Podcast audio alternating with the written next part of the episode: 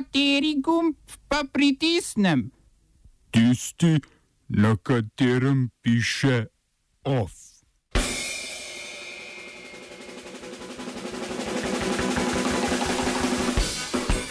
Avstralski parlament sprejel novo zakonodajo o skrbi beguncev. Finska vlada opušča pilotno študijo univerzalnega temeljnega dohodka. Slovenski državni zbor ratificiral pristopni protokol Severne Makedonije k NATO. V kulturnih pa feminističnih pet za boljši svet v Alcatrazu.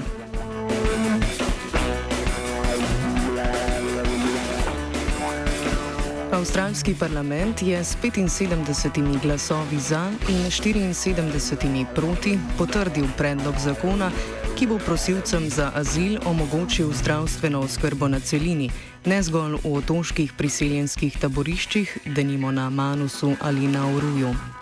Predlog je pripravila in predstavila opozicijska laboristična stranka. Vodja opozicije Bill Shorten pa ga je pospremil z besedami, da dotična zakonodaja naposled zadane pravo razmerje med nacionalno varnostjo ter oskrbo tistih, ki oskrbo potrebujejo. Dejstvo, da je dobil parlamentarno večino, kaže na vse večjo politično krizo manjšinske konzervativne vlade pod vodstvom premijeja Scotta Morrisona. Prav tako gre za prvi primer od leta 1929, v katerem je bila avstralska vlada poražena na parlamentarnem glasovanju o novi zakonodaji. Takratni premijer Stanley Bruce je takoj po porazu sklical predčasne volitve, na katerih je bila njegova stranka poražena.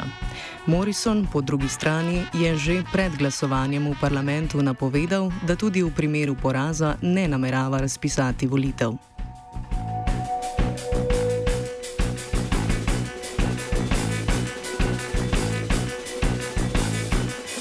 Guverner Kalifornije Gavin Newsom je v ponedeljek oznanil, da bo z mehiške meje odpoklical 260 od 360 vojakov Kalifornijske nacionalne garde, ki trenutno na meji opravlja naloge nadzora.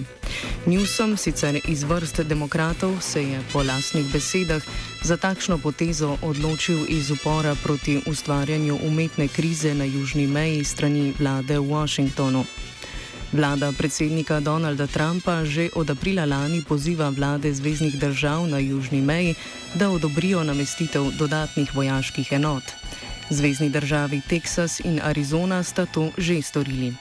Nekaj več kot sto izmed premeščenih kalifornijskih vojakov bo pomagalo v protipožarnih dejavnostih, ostali pa naj bi se pridružili operacijam proti mednarodnemu kriminalu ter trgovini z drogo in orožjem. Glede na to, da je po celi Kaliforniji nameščenih več kot 14 tisoč vojakov nacionalne garde, lahko Newsomovo potezo v najboljšem primeru razumemo kot simbolično.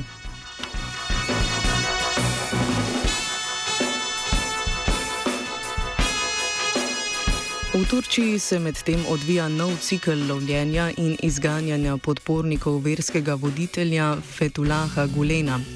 Turški organi pregona so prejeli naloge za aretacijo 1112 oseb, obtoženih goljufanja na izpitu za napredovanje iz policaja v namestnika policijskega inšpektorja.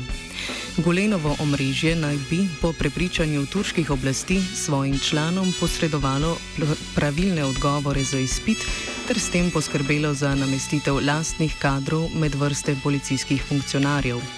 Sicer je bilo od domnevnega poskusa državnega udara leta 2016 zaradi povezav z Gulenom in njegovimi institucijami aretiranih več kot 220 tisoč ljudi, slaba polovica katerih je še zmeraj za zapahi, kjer čakajo na sojenje.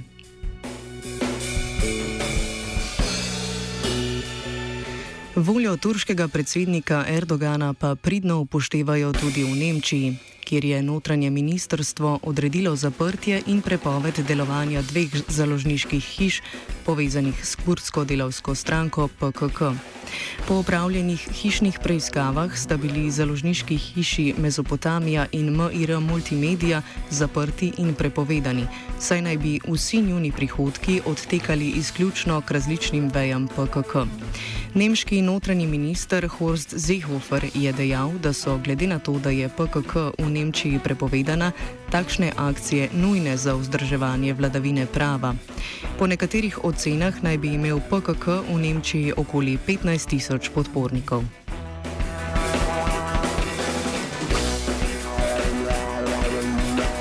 Vlada na Finskem je predstavila rezultate enoletne pilotne študije učinkov univerzalnega temeljnega dohodka na dobrobit in zaposlovanje njegovih prejemnikov. Študija, v katero je bilo vključenih 2000 brezposelnih, ki so poleg socialnih transferjev prejemali še 560 evrov temeljnega dohodka, je po enem letu pokazala, da sta se dobrobit in zadovoljstvo prejemnikov povečala, hkrati pa se število uspešnih zaposlitev praktično ni povečalo. Na podlagi teh ugotovitev je vlada eksperiment ocenila kot neuspešen in ga na vkljub nasprotovanju opozicijske levice in zelenih ne namerava nadaljevati.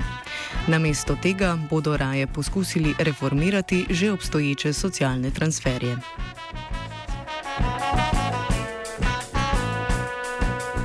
Predsednik Evropskega parlamenta Antonijo Tajani se je ob odprtju plenarnega zasedanja parlamenta opravičil za izjave na proslavi ob dnevu spomina na žrtve v Fojbah. Govor je sprožil odzive slovenskih in hrvaških politikov, ki opozarjajo, da gre za revizijo zgodovine. Tajani je dejal, da je v govoru hotel prenesti sporočilo miru in se spomniti na žrtve vseh totalitarističnih režimov. S tem, ko je nazdravil italijanski Istri in italijanski Dalmaciji, pa je nagovarjal izseljence iz teh območij po drugi svetovni vojni in ne italijanskih ozemeljskih teženj po Istri in Dalmaciji. Več v današnjem offsajdu ob petih. Če bom odgovoril na angliški. Uh, uh, Slovenija will try to help. Uh, we can. Slovenija will. Uh, and we will. Do our utmost. To say that the situation is. Our problem ourselves. And uh, we will. Uh, make further steps as soon as the conditions are. Bomo vlado Marjana Cererja, Marjana Cererja Šarca podprli. Uh, very, very serious. News from Slovenia. We know how and we will. Državni zbor je danes na izredni seji z 72 glasovi za in 12 proti ratificiral pristopni protokol Severne Makedonije k zvezi NATO. Velja omeniti, da je Slovenija prva država za Grčijo, ki je to storila. Proti sta glasovali poslanski skupini stranke Levica in slovenske nacionalne stranke, deklarativno zaradi nasprotovanja NATO kot imperialistični organizaciji oziroma zaradi mnenja, da članstvo v NATO ni v interesu makedonskih državljanov. Ratifikacijo protokola je v nagovoru poslancem po seji pozdravil in se za njo zahvalil predsednik makedonskega parlamenta Talat Džaferi. OF je sestavil Vitežnik.